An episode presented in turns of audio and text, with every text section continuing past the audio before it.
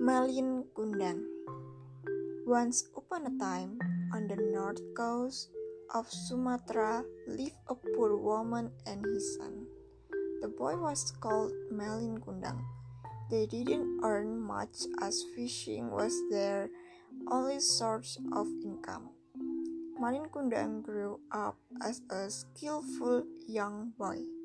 He always helped his mother to earn some money.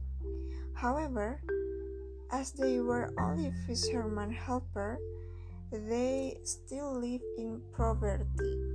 Mother, what if I sail overseas? asked Malin Kundang one day to his mother. Her mother didn't agree, but Malin Kundang had made up his mind. Mother, if I stay here, I'll, I'll, I'll always be a poor man. I want to be a successful person urged Malin Kundang. His mother wiped her tears. If you really want to go, I can't stop you. I could only pray to God for you to gain success in life, said his mother wisely. But promise me, you'll come here. In the next morning, Malin Kundang was ready to go. Three days ago, he met one of the successful ship's crew. Malin was over to join him. Take a good care of yourself, son, said Malin Kundang's mother as she gave him some food supplies. Yes, mother, Malin Kundang said.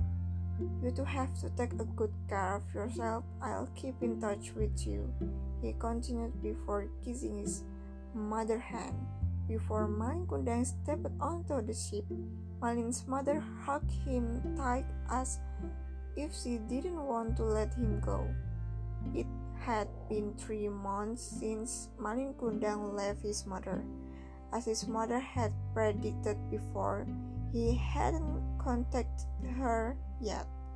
Every morning, she stood on the pier. She wished to see the ship that brought Malin Kundang home. Every day and night she prayed to the God for her son's safety. There was so much prayer that had been said due to her deep love for Malin Kundang.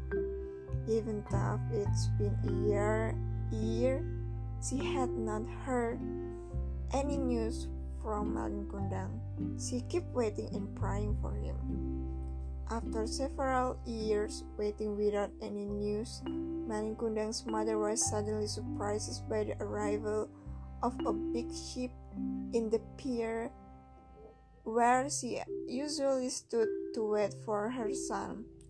When the ship finally pulled over, Malinkundang's mother saw a man who looked wealthy stepping down a ladder along with a beautiful woman.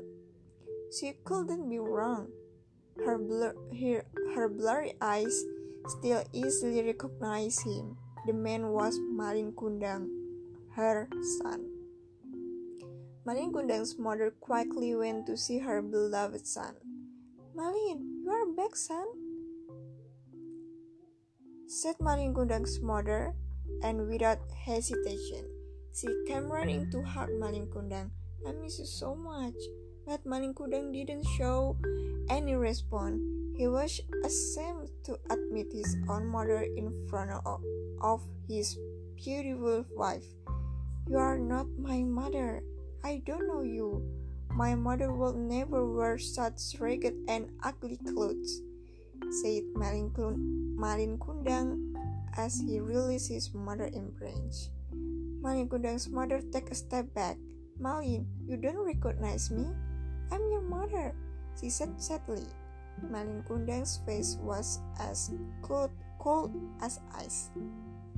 Quark, take this old woman out of here. Malin Kundang ordered his body guard. Give her some money so she won't disturb me again.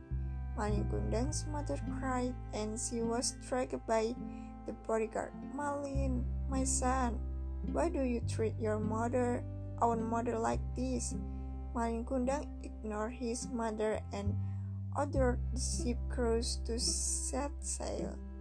Malin Kundang's mother sat alone in the pier.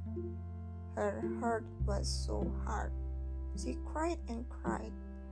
There, God, if he isn't my son, please let him have a safe journey. But if he is, I curse him to become a stone. She prayed to the God.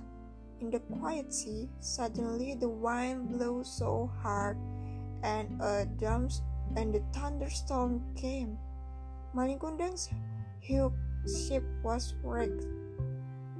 He was thrown by the wave out of his ship and fell on small island.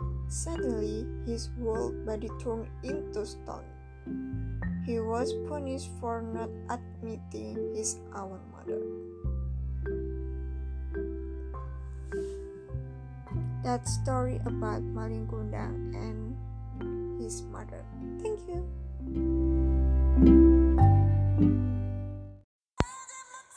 Anjir ngapain denger sampai habis?